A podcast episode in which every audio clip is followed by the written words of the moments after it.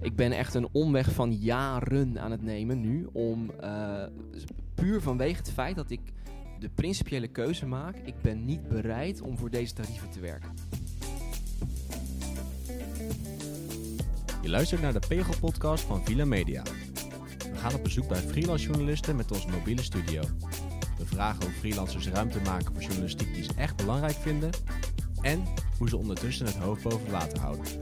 Ik ben Sjoerd. En ik ben Erwin. Deze keer spreken we met Maurice van der Spek. Hij startte een journalistieke zoektocht naar de werking van de voedselindustrie.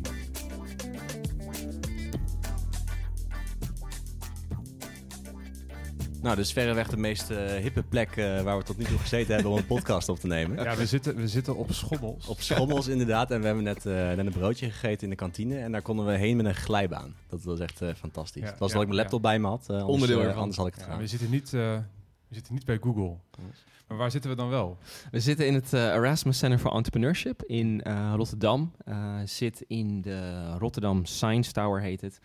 Um, Erasmus Center for Entrepreneurship is eigenlijk uh, een aantal verdiepingen van dat gebouw waar ik heb me laten vertellen, zo'n 100 plus uh, start-ups, kleine bedrijfjes bij elkaar zitten om uh, ja, eigenlijk te innoveren. Dat is wat ze hier uh, willen doen. Ja, en we zitten met jou omdat we vonden het wel interessant om een keer met een journalist te zitten die aan het begin van een, een groot project staat. Dat sta ik zeker. Want we, we, hebben veel, veel mensen gesproken die, nou, die hebben al fantastische journalistieke producties gemaakt en die hebben aan ons verteld hoe ze dat gedaan hebben en waarom en wat dat met ze deed. Maar we waren ook wel eens benieuwd hoe het nou is om, ja, om aan dat startpunt te staan. En, Onwijs aan het startpunt. Want uh, nou ja, we kwamen jou tegen, uh, jouw platform tegen online. Het onderzoek naar de Europese voedselindustrie. Ja. Kun je daar iets over vertellen?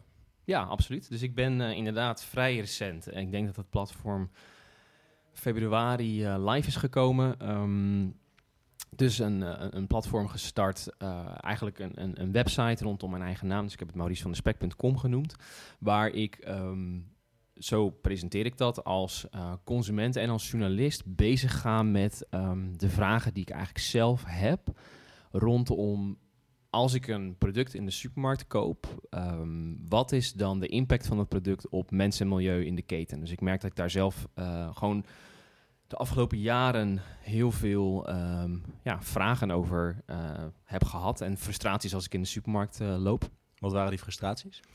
Um, nou, is denk een goed voorbeeld waar ik ook mee begin, waar ik mijn onderzoek mee begin, is dat ik uh, bijvoorbeeld na een drukke werkdag de supermarkt in race en eigenlijk door race omdat ik onderweg ben naar huis na mijn werk.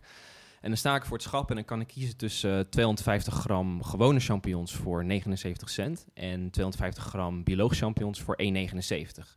Meer dan een euro verschil. En ik merk dan bij mezelf dat ik um, aan de ene kant denk: oké, ik wil graag bijdragen aan een betere wereld. Dus ik ben heel erg bereid om die extra euro te betalen. Maar als ik dat dan doe, heeft dat dan ook daadwerkelijk effect? Of betaal ik dan voor uh, groene marketing?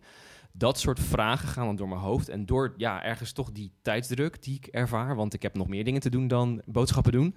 Um, uh, ja, kom ik er eigenlijk week na week na week na week niet aan toe om echt onderzoek te maken, uh, onderzoek te doen naar deze vraag. Want ik wil gewoon weten, wat is de betere keuze? Ja, dus jij dacht, um, ik, ga, ik ga daar mijn werk van maken.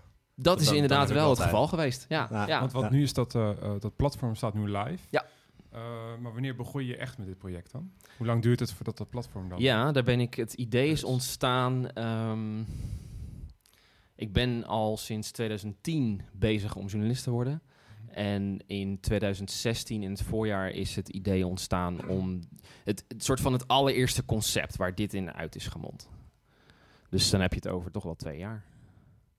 Maar wat moet je dan allemaal regelen voordat dit online staat? En even voor de luisteraar, uh, wat er nu online zit is een, is een platform. Er staat een filmpje van jou op waarin je dit eigenlijk uitlegt, wat je aan het doen bent. Ja. Uh, en jij wil ook de discussie aangaan met mensen die, die uh, op het platform jouw verhalen lezen. Ja. Want je zegt ook bijvoorbeeld van, ik weet ook niet alles. Er zijn andere mensen die weten meer. Dus die kunnen dan bijdragen, bijvoorbeeld leveren. Zodat we met z'n allen beter weten ja. hoe de voedselketen in elkaar zit. En dan ben je twee jaar geleden dus begonnen met, met dit idee. En nu staat er zo'n uitgekristalliseerd platform online. Hoe, wat was de eerste stap dan? Um, leuke vraag. Het vergt voor mij ook wel even diep graven om er helemaal zeg maar het proces. Er is een hoop gebeurd in de afgelopen twee jaar. Ja. Er is een hoop gebeurd en je houdt niet alles bij. Ehm, ik denk dat ik dan eh, nog verder. ehm, ehm, misschien, ja, ik weet niet, dat is dan een voorstel. Misschien vind je het goed om terug te gaan naar nog een aantal jaar eerder voor mij. Omdat ik dus, het platform is ook wel deels voortgekomen uit een stukje worsteling rondom hoe kan ik nou geld verdienen als journalist. Ja, laten we daar Ehm, beginnen. Lijkt me een goed. eh, is, dat, goed is dat een idee? Ja, Ja, tuurlijk. Zeker. Ja, oké. Neem, ons, neem ons mee. Ja, oké. Nee, dan gaan we even... Goed, dus ik... ik ehm, eh, in 2010 eh, eh, ontstond het idee... Oké, ik wil journalist worden. Ik zat toen midden in mijn studie... International Public Management aan de Haagse Hogeschool. Ehm, ik heb er toen heel bewust voor gekozen om niet eh, te stoppen met mijn opleiding en te switchen, maar gewoon mijn opleiding af te maken. En ehm, eh, van daaruit de, de journalistiek in te gaan. En ehm, nou, ik zat in het laatste jaar van mijn opleiding, laatste semester was mijn afstudeeropdracht bezig. En eh, dacht van oké, nou in september sta ik op de arbeidsmarkt en ik wil dus journalist worden. Geen idee hoe.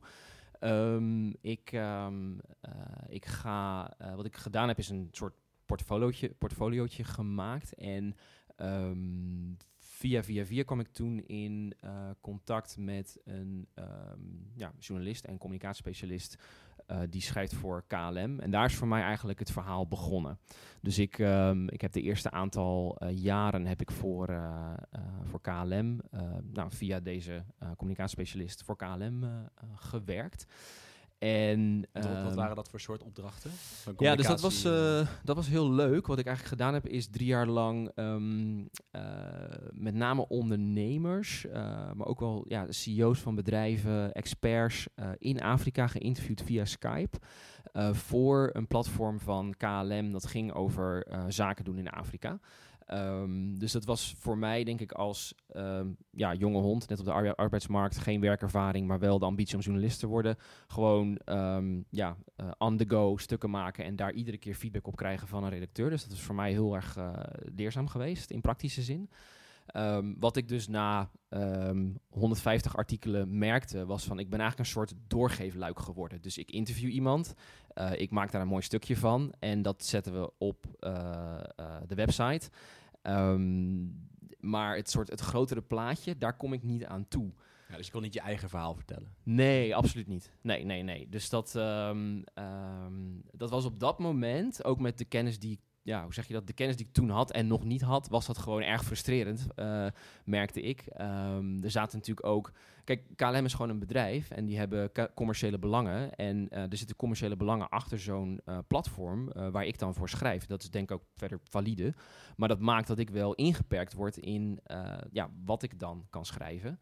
En ehm, nou, dat werd op een gegeven moment eh, eh, werd dat voor mij een dusdanige frustratie dat ik dacht van oké, op de lange termijn, ik was toen aan het ja, moet ik, ehm, eh, moet ik weg? Wat er in die tijd, of moet ik een soort oplossing voor dit probleem zien te vinden? En wat er in die tijd ook gebeurde, was dat ik eh, op een gegeven moment, ik, een, ik heb een heel jaar lang twee artikelen in de week geschreven en toen ging dat terug naar één, omdat er be- bezuinigingen waren bij KLM. Nou, dat raakte mij toen heel hard. Mijn omzet ging door de midden. En dus merkte ik van, oké, ik, ik, ja, ik moet gewoon iets. Dus ik ben, dat is dus nu al vijf jaar geleden of zo. Ehm, toen dacht ik, oké, ik heb een stukje expertise opgebouwd over eh, Afrika. Daarover schrijven in het Engels. Ik ga vanuit dat domeintje, zeg maar, ga ik eh, proberen opdrachtgevers te zoeken. Eh, dat heb ik gedaan. Ehm, en ehm, ik, ja, toen voor mijn gevoel de bizarste dingen meegemaakt. Dus ik heb bijvoorbeeld een stuk, eh, ik heb een stuk geschreven en verkocht aan een blad van de VN. En dat heette Africa Renewal. En het is, ik heb het afgemaakt, ik heb het ingeleverd, ik heb er betaald voor gekregen, maar het is nooit gepubliceerd. Bizar. Ja, Oh, zo. Eh, waarom niet? nou, dat weet ik dus niet. Ik heb er nog een keer naar gevraagd. Ik heb nog reminders gestuurd. Nou ja, ik merkte daar denk ik een stukje van eh, een ontzettende afstand van mij als freelancer richting de redactie. En een soort van, hey, wij zitten hier bovenin met elkaar beslissingen te maken. En ja, blijkbaar kiezen wij er eh, voor om jouw stuk niet te publiceren, maar we gaan niet mededelen waarom dat dan is. Dat is het gevoel dat ik aan overhield. Ja, wat opmerkelijk. Ehm, ik heb op een gegeven moment een eh, stuk voorgesteld aan BBC Africa. En ehm, dat was voor mij denk ik de reactie die er het meest uitsprong. Dat ik terugkreeg van, hey, ehm, goed stuk, goed idee. Maar ik ga er niks mee doen, want ik heb nog 15 stukken in de, wachtlijn staan, eh, in de wachtrij staan. En eh, ja, sorry, maar ik zit gewoon vol. Ja, Ja. er is geen ruimte. Er Ja. is geen ruimte. Nee, ja. En dat Dus ik het, het schoot gewoon niet op. Nee, dat ik merkte van ja, eh, ehm, dus dat, maar ook dat ik merkte de, de tarieven die betaald, die ik voorgesteld kreeg en die betaald werden, waarvan ik dacht, ja, dit vind ik gewoon schrijnend. Ik ben, het is absoluut niet mijn doel om rijk te worden, Nee. maar ik wil wel gewoon een degelijk salaris kunnen verdienen en eh, op termijn een gezin kunnen onderhouden. En ehm, ja, dat ik merk van, ik, ik ben gewoon niet bereid om voor deze tarieven te werken. Ja. Dus er Kun moet je een indicatie geven? Hoe, hoe hoog waren die tarieven? Wat ik me ervan herinner was dat ik bijvoorbeeld voor dat stuk van ehm, Africa Renewal dat ik 50 dollar cent per woord kreeg.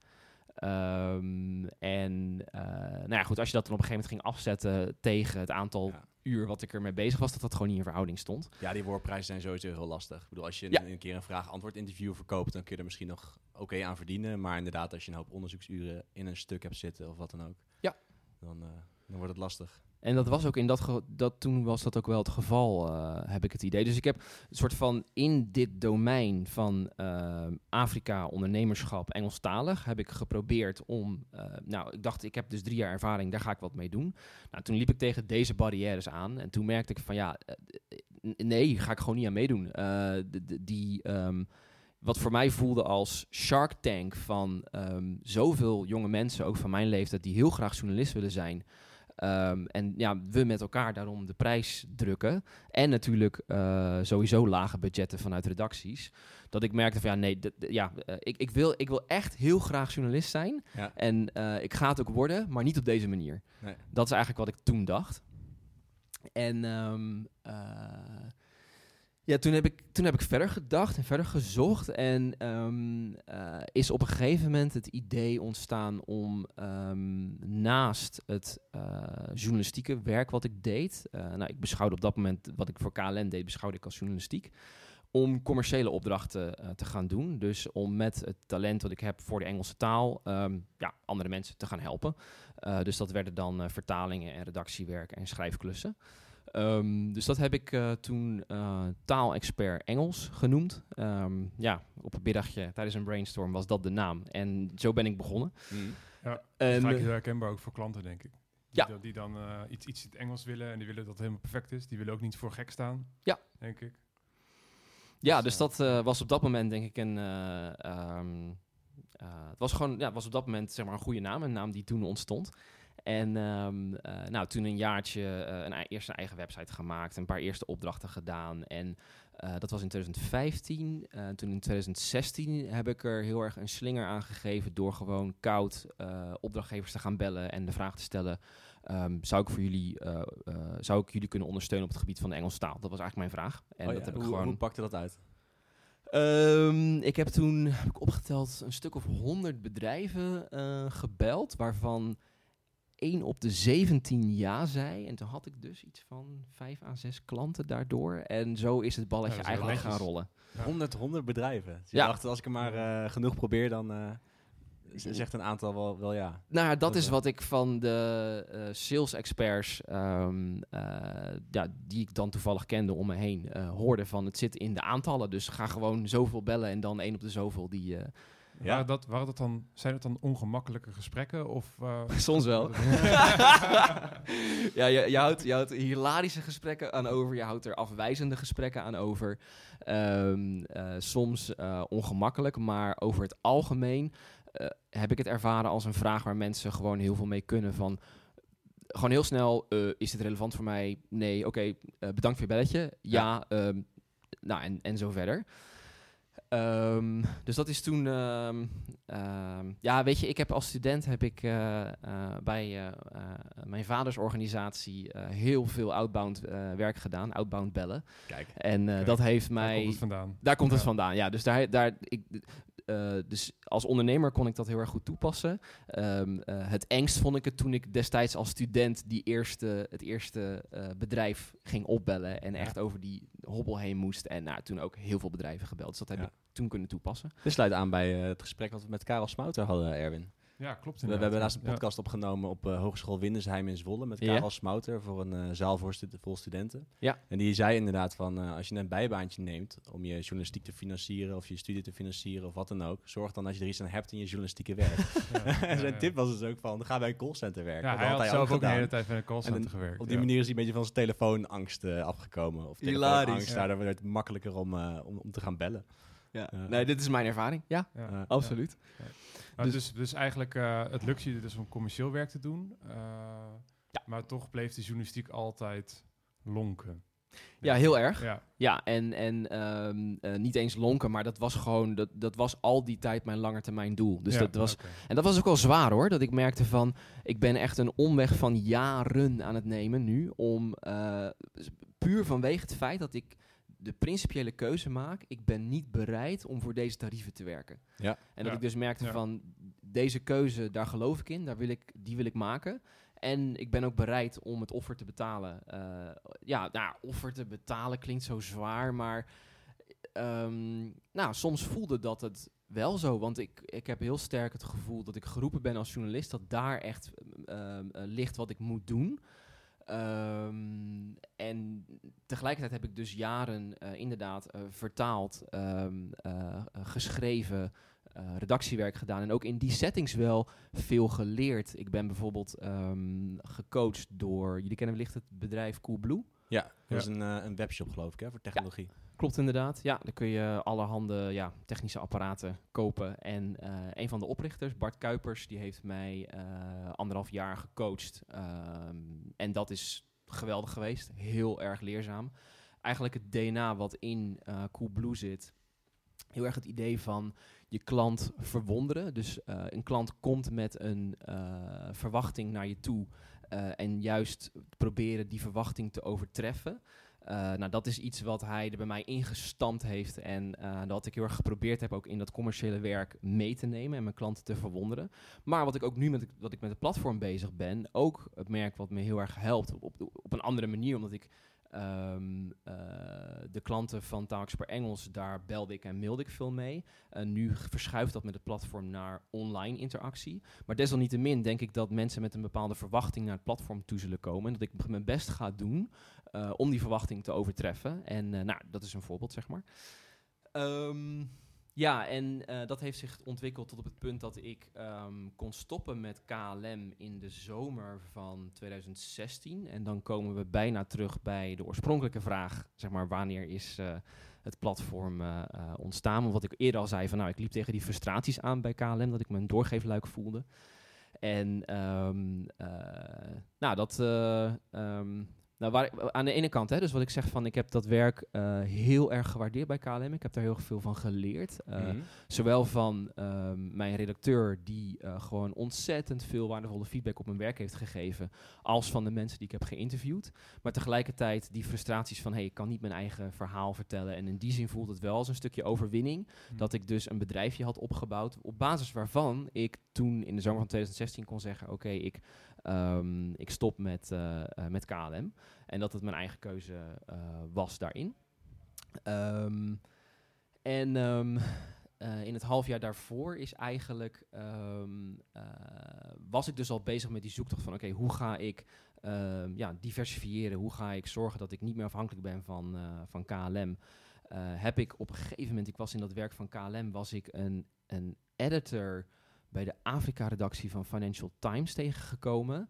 En um, had ik in mijn hoofd het idee zitten van, nou, ik ga dan als volgende stap daar, want dat is wel echte journalistiek, um, solliciteren. Dus ik heb, um, uh, dat was begin 2016, gewerkt aan een sollicita sollicitatiebrief en ik liet die aan mijn vrouw lezen. En um, kreeg eigenlijk een soort slap in de face, omdat zij zei: um, Ja, leuk verhaal wat je hebt geschreven, maar waarom wil jij dit nou eigenlijk? En dat ik me besefte van: Wow, um, goed punt. Ik had, ik had een hele lijst aan dingen die ik uh, vertelde: van dit kan ik voor jullie doen en dit talent heb ik en dit ja, kan ja, ik meebrengen. Ja. maar wat is nou die reden dat ik voor de Financial Times wilde werken? Nou, en, mijn en waarom wil je journalist zijn? Is misschien nog wel de, de overkoepelende vraag dan? Absoluut, ja. um, absoluut. Ik uh, uh, uh, ga daar zo antwoord op geven. Ehm, ik, eh, ik, op dat moment merkte dus van ja, ik heb geen antwoord op, ehm, op die vraag waarom ik voor de Financial Times eh, dit wil doen. En ben gestopt op dat moment. Heb niet, ik heb die brief nooit verstuurd en heb besloten van oké, ik ga nu gewoon ehm, een uur in de week nemen om ehm, ja, hiervoor, uh, hierover na te denken, op te reflecteren van wat is nou ja, we hadden het er eerder al eventjes over. Je noemde dat soort van dat, dat het waakvlammetje in mij. Zeg maar, wat is nou die passie? Ja. Eh, ja, om daarmee bezig te gaan. En dat kon dus omdat ik met taalexpert Engels uh, daarnaast bezig was en daar mijn geld verdiende. Nou, en op dat moment een uur in de week nam om uh, ja, daar voor mezelf op te reflecteren. Ja, je hebt echt een uur in de week ingepland. Van oké, nu ja. ga ik op mijn op mijn denksteen ja. zitten. Hoe ging, hoe ging het dan? Ging je dan een wandelingetje maken? Of, ja, dat, inderdaad dat idee van, gezegd, van what gets scheduled gets, gets done. Dat, dat zat erin. En um, ik ging gewoon op mijn kantoor uh, zitten en um, met een notitieblokje. En uh, uh, ja, misschien goed om te vertellen, ik, ik ben christen. En um, voor mij is daarin bidden ook belangrijk geweest. dus ik, ga, ik, ja, ik ging gewoon op mijn kantoor zitten en ja, daarover nadenken voor bidden. Van wat, wat, wat zou de volgende stap kunnen zijn? Notitieblokje erbij.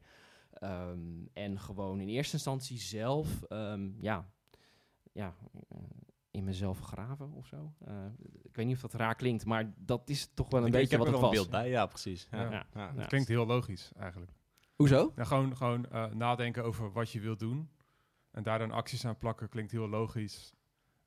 in plaats van zomaar solliciteren op een baan, omdat je een baan wil in de journalistiek of zo. Ja, maar we, we zien sowieso heel veel mensen die, uh, nou ja, die, die willen dan krantenjournalist worden of videojournalist worden. Die hebben daar een, een, bepaald beeld bij. Die willen ja. een bepaald hokje belanden, zo lijkt het. Ja. Maar als je, de, de, meeste mensen hebben geen antwoord op de vraag van waarom wil je journalist zijn. Precies. Dus, uh, dat is eigenlijk helemaal geen... Ja, ze denken dat het een hele logische vraag is, maar bijna niemand heeft er een antwoord op. Nou, ik moet eerlijk zeggen dat het op dat moment wel... Het voelde wel raar om gewoon ja, een soort uur tijd met mezelf in te plannen en gewoon ja, ja. te gaan zitten en na te denken. Was het confronterend?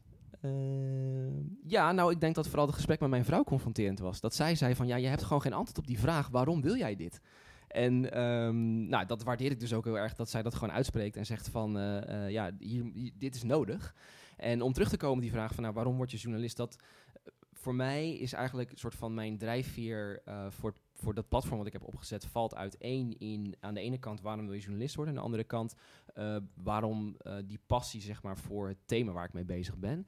En um, dat journalist worden, dat is, gaat eigenlijk terug naar um, dat ik um, op een gegeven moment dus uh, in, tijdens mijn HBO bezig was en daar best wel gefrustreerd in zat, merkte ik. Omdat ik had ervoor, ik had ervoor gekozen om een internationale opleiding uh, te doen. En tegelijkertijd uh, zat ik hier in Nederland en voelde het helemaal niet internationaal. En ik merk dat soort van, uh, ja, het, het, het over Nederland, over de grenzen heen denken, dat dat iets is wat ik heel graag doe. Um, dus had ik zoiets van, nou, ik wil um, daar misschien ook al een stukje ondernemerschap dat daarin zat. Ik wil graag in het buitenland studeren dat heel hard geprobeerd. En uh, nou, ben gewoon heel erg tegengewerkt daarin. Dus dat was voor mij als tweedejaars HBO'er ontzettend uh, frustrerend om tegen de muren van mijn eigen universiteit of van mijn eigen hogeschool op te lopen. Oh, tegengewerkt door je, door je eigen hogeschool. Ja. Het is heel moeilijk om die, uh, die studie in het buitenland te doen. Ja, precies. Ja, dus ik wilde een minor doen in het buitenland. En dat, nou, dat ja, ik, ik heb gewoon, ik heb een, een, een heel, hoe noem je dat ook weer destijds? Een term, ja, een, een kwartaal lang. Uh, ben ik heel hard uh, bezig geweest om dit te proberen uh, ten koste van mijn cijfers en zonder succes.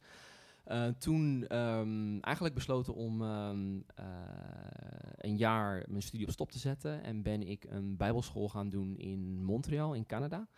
En eigenlijk vanuit die frustratie dus van frustratie ook over uh, mijn opleiding, uh, wat wil ik nou precies met mijn leven, vooral gezegd ik ga een jaar lang niet over dit soort vragen nadenken. En toen was ik daar en toen hadden we op een gegeven moment een, uh, een meeting. En ik liep die meeting in en had even een kort gesprekje met een van onze stafleden. En zij zei tegen mij van joh, um, je bent zo kritisch, je stelt heel veel vragen, je denkt maatschappelijk na, je vindt talen leuk, je vindt schrijven interessant. Zou journalistiek niet wat voor jou zijn? En uh, dat was eigenlijk het moment dat, dus, dat de meeting begon. En ik ging op mijn stoel zitten en het was alsof er een bom afging in mijn hoofd van allerlei soort van, ehm, ja, denk talenten en dingen die ik in mezelf al had herkend in, de, in het jaar, de jaren ervoor. Maar die, ja, die eigenlijk een soort samenkwamen in een labeltje journalistiek. En dat ik in één keer een soort van, bam, dat is het, Ja. richting had. En een soort van, ja, hier kan ik mee verder en hier kan ik eh, eh, me op gaan richten. Dus dat is eigenlijk voor mij eh, antwoord op de vraag die je stelde van wat, ja, waarom wil je journalist zijn? Dat is eigenlijk daar begonnen. Je hebt ook op enig moment in jouw carrière heb je een, een mentorenprogramma gevolgd om Ja. jou verder te helpen in de journalistiek. Ja. Hoe, hoe was dat? Kun je daar iets over vertellen? Ehm, heel erg eh, leerzaam. Dus ehm, ik eh, ja, zat eigenlijk in die worsteling van... oké, ik heb, eh, ben met taalexpert Engels begonnen. Daar verdien ik mijn geld mee. Daarnaast ben ik bezig met het ontwikkelen van dit, van dit platform. Ehm, en ehm, ik had toen al wel een businessplan geschreven en dat ook eh, voorgelegd aan een heel aantal ondernemers in mijn eh, omgeving. Zoals bijvoorbeeld dus eh, Bart Kuipers van Coolblue. Maar daar merkte ik ook wel in dat. ehm, dus de blik van een ondernemer is heel waardevol, maar is iets anders dan de blik van een journalist. En dat ik dus, juist omdat ik ook in deze omgeving hier op dit kantoor zit met heel veel ondernemers. En heel veel ondernemers in mijn netwerk heb, maar juist niet zo sterk in die journalistieke wereld zit. Dat ik merkte van hier wil ik heel graag aan meedoen om eh, ja, eh, expertise, eh, ja, hoe zeg je dat, mee te krijgen en, en feedback te krijgen eigenlijk op, eh, eh, ja, op mijn werk van een echte journalist, Ja, om het zo ja, eh, te Want het noemen. mentorenprogramma is van de Nederlandse Vereniging voor Journalisten. En je wordt dan gekoppeld aan een ervaren journalist, toch? Dat klopt helemaal, Ja. En dat was in mijn geval eh, Jim Jansen, hoofdredacteur bij New Scientist. En eh, ja, heel leuke relatie met Jim opgebouwd, heel erg een klik. Eh, allebei een eh, vrouw uit eh, Zwitserland, eh, detail. Ehm, maar... ehm, Dat is een mooie verbindende factor. Dat was een hele mooie verbindende Ja. factor, inderdaad. Ehm, eh, maar vooral met hem. eh, eh, ik denk wat heel erg waardevol daaraan is geweest, is dat het optrekken met Jim. soort van die worstelingen die ik zelf had, heeft gevalideerd. Omdat ik zag dat hij als hoofdredacteur van een, ja, een publicatie die volgens mij uit mijn hoofd 2, zoveel miljoen omzet per jaar draait zo ontzettend aan het worstelen en het zoeken ook is in van waar haal ik die omzet dan vandaan. Dat ik dus als jonkie met hem mocht optrekken en dat mocht zien, dat is voor mij heel erg bevestigend geweest juist. Ja, ja. Dat, dat was misschien heel sterkend. Eh, we hebben ook jouw artikel in Villa Media gelezen. Ja. Eh, daarin ga je in op een, eh, op een journalistieke bijeenkomst. Dat was volgens mij ook Ja. onderdeel van dat mentorenprogramma. Daar eh, ehm, liep je aan tegen denkbeelden van, van andere journalisten... die zich niet helemaal konden vinden in, jouw eh, in jouw werkwijze. Ja, ik. absoluut, absoluut. Dus ik heb, eh, eh, ik- ja, hoe zeg je dat? Dat, dat, dat mentorprogramma was ingedeeld in, het was, het was verspreid over een half jaar. En tijdens dat half jaar had je dan drie keer een soort gezamenlijke bijeenkomst waar je dus als twaalf, ja, ze noemen dat dan mentees en twaalf mentoren bij elkaar kwam. Op die bewuste avond was ehm, mijn eigen mentor Jim was er niet bij. En eh, vertelde ik meer inderdaad over het platform, wat ik doe, de werkwijze die ik kies. Dus eigenlijk van, hey, ik heb als consument, als journalist vragen. Ik ga die gewoon stellen aan industry insiders. Ehm, eh, de antwoorden die ik krijg, ga ik publiceren op mijn eigen platform. Daardoor ontstaat, nou, het is eigenlijk à la Joris Luindijk. Dus Ja, share your learning curve. ja, je, dat. deelt, je deelt je Ja. onderzoek terwijl het bezig is. dat, ja. Ja. Dus, en dat zeg ik ook inderdaad op mijn platform. Dat, eh, nou, hij heeft me gewoon heel erg daarin geïnspireerd, Joris Luindijk. Ik vind dat geweldig, zijn werk. En ehm, eh, ja, dat ik inderdaad ehm, op die avond eh, dat presenteerde en eh, terugkreeg ook wel de feedback van... Ja, maar Joris Luindijk had al 60 interviews gedaan voordat hij een eerste publiceerde. Dus die, het lijkt op een leercurve, maar dat is het niet.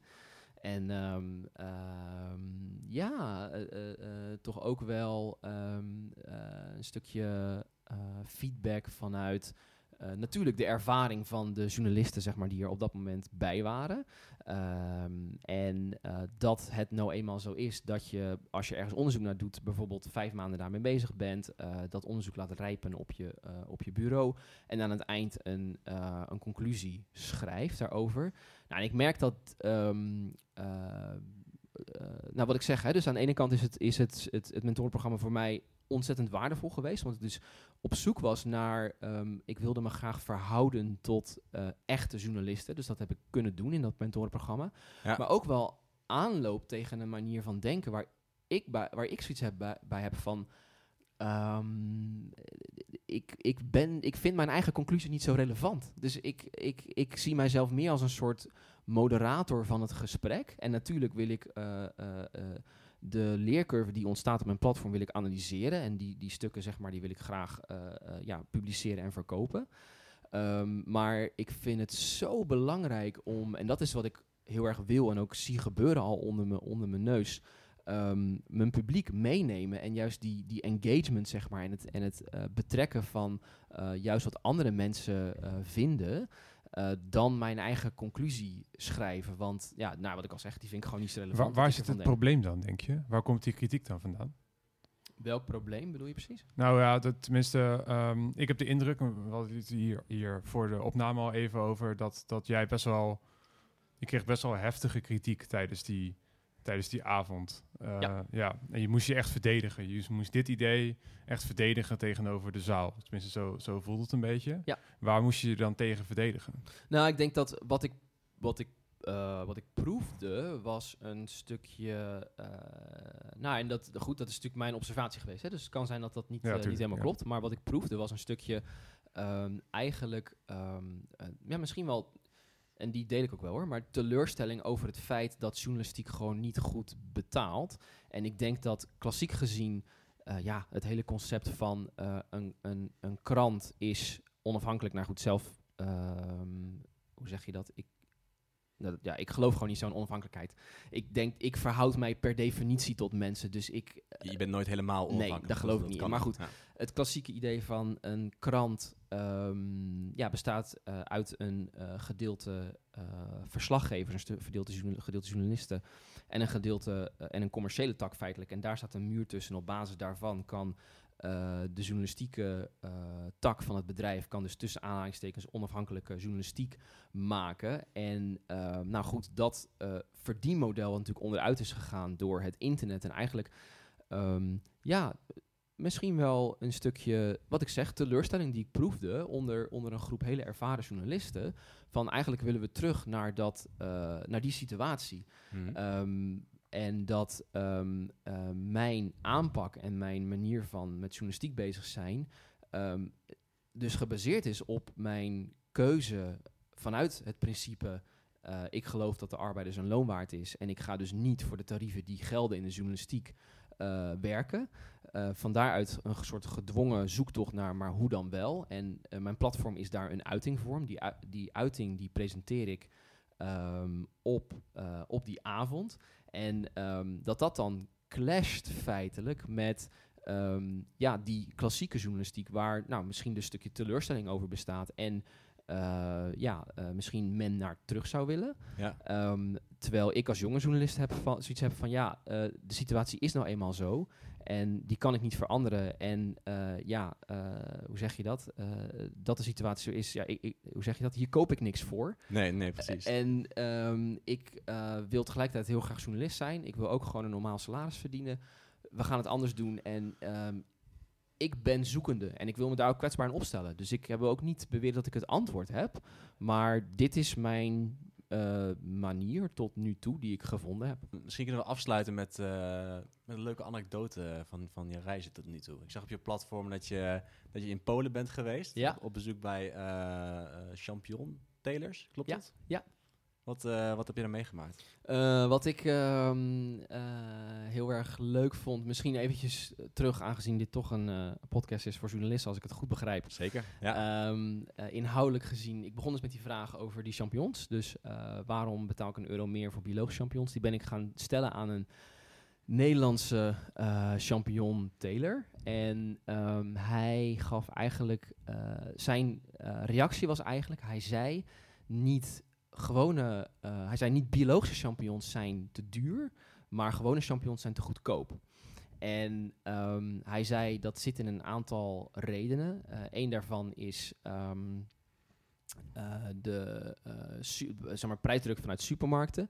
Dus hij noemde specifiek Jumbo, die in 2014 uit mijn hoofd de prijs naar beneden heeft gebracht. Volgens mij was dat midden in de supermarktenoorlog. en dat andere supermarkten daarop gevolgd zijn. Uh, nou, ik heb daar onderzoek omheen gedaan, dat ook uh, bevestigd gekregen. Ik zou heel graag met Jumbo in gesprek gaan, ook hierover, omdat ik hun kant van het verhaal nog niet uh, gehoord heb. Ik heb een interview aangevraagd, is nog niet goedgekeurd, of hoe zeg je dat? Dat wilden ze niet. Hmm. ik zou heel graag hun kant van het verhaal horen, maar dit is in ieder geval wat, wat de champignon-teler zei. Um, en de andere kant van het verhaal is dat hij zei, Polen, zeg maar, de afgelopen um, ja, wat is het, 15 jaar opgekomen is als uh, champignonnenmacht feitelijk. En Nederland in eerste instantie uh, eerst um, nummer 1 producent van Europa was. En Polen dat geworden is de laatste tijd. Um, zo zei de champignon-teler met de hulp van Europese subsidies en uh, goedkope arbeid uit Oekraïne. Um, ik had een berichtje gevonden van CBS waarin stond dat in uh, het jaar 2000 er nog 546 champignonkwekerijen in Nederland waren en in 2012 er daar nog maar 131 van over waren. Uh, dus 400 uh, ja, verdwenen in een paar jaar tijd. Dus dacht ik, ik moet gewoon naar Polen en daar me van ja, gewoon horen wat de situatie is. Um, ik merkte dat ik er zenuwachtig naartoe ging. Uh, het spannend vond. Uh, zoiets had van, ik had al wat stukken ook op mijn website staan. Hoe ga ik überhaupt ontvangen worden? En het heel interessant was dat ik voor mijn gevoel met open armen ontvangen ben. En, ja, misschien ehm, zijn ze trots op de, de enorme economische groei natuurlijk die, die plaatsgevonden heeft. Ja, dat denk ik, dat denk ik sowieso. En uh, nou, ik heb, daar ook, uh, ik heb daar ook gewoon hele hardwerkende mensen getroffen die inderdaad met trots ook een bedrijf opbouwen of een sector opbouwen. En hele interessante gesprekken daar gevoerd. Een voorbeeldje waar het aan de ene kant, die subsidies van de EU, die blijven mij boeien. En dat is iets waar ik uh, uh, ja, de komende tijd mee bezig ben, mee bezig wil. ik ben gevraagd door de correspondent om een voorstel te schrijven voor een mini-correspondentschap. dus dat wil ik eigenlijk gaan doen over die subsidies, omdat ik dat gewoon echt boeiend vind. En denk dat daar nog veel over te leren valt. Um, wat een interessante uitspraak was van de voorzitter van de champignonnenvereniging in Polen, was dat hij eigenlijk zei van hij vond dat de, die subsidies maar gerommel in de marge is. En hij zei, of je nou een champignonnenkwekerij hebt in Polen, in Duitsland, in Ierland of in Nederland of in Frankrijk. Um, hij zei, een champignonnenkwekerij is een werkkamp en de eigenaar is uh, eigenlijk de eerste, de hoofdgevangene. Omdat de prijzen die supermarkten betalen gewoon veel te laag zijn dat is wat zijn claim was. En nou, vandaar ook dat ik zeg, van, nou, ik zou graag ook met die supermarkten op termijn ja, dit in gesprek gaan. Ik ben gewoon benieuwd naar hun verhaal. En um, uh, in ieder geval, als ik het verhaal zo hoor van deze man, uh, noodzaak om uh, ja, ook vanuit mij als consument bezig te gaan met dit thema. Van ja, is dat inderdaad waar? En, en, en hoe worden mensen behandeld en het milieu op het moment dat ik, uh, dat ik champignons koop? kijk, ontzettend interessant. Ja, je ging dus naar, uh, naar Polen met één vraag en je kwam met 30 vragen terug. dus, uh, ja, dus, echt gigantisch. Dus we gaan je voorlopig volgen. Ja, op uh, toch? Helemaal, ja, ja, dat is hem. Ja, top. Nou, Dankjewel dat we langs mochten komen. Ja, en wij, uh, wij schommelen nog even door. Precies. Mannen, jullie bedankt voor, uh, voor dit gesprek ook. En heel veel succes met uh, dit gesprek aangaan. Ik denk dat het heel belangrijk is dat we hier met elkaar over nadenken en, en over praten met elkaar. Ja, dankjewel. Dankjewel. Je luisterde naar de Pegel Podcast. Deze podcast wordt mogelijk gemaakt door het Lira Auteursfonds Reprorecht. Ben of ken jij een freelance journalist met een goed verhaal? Stuur een mailtje naar pegel.vilamedia.nl Bedankt voor het luisteren en tot de volgende aflevering.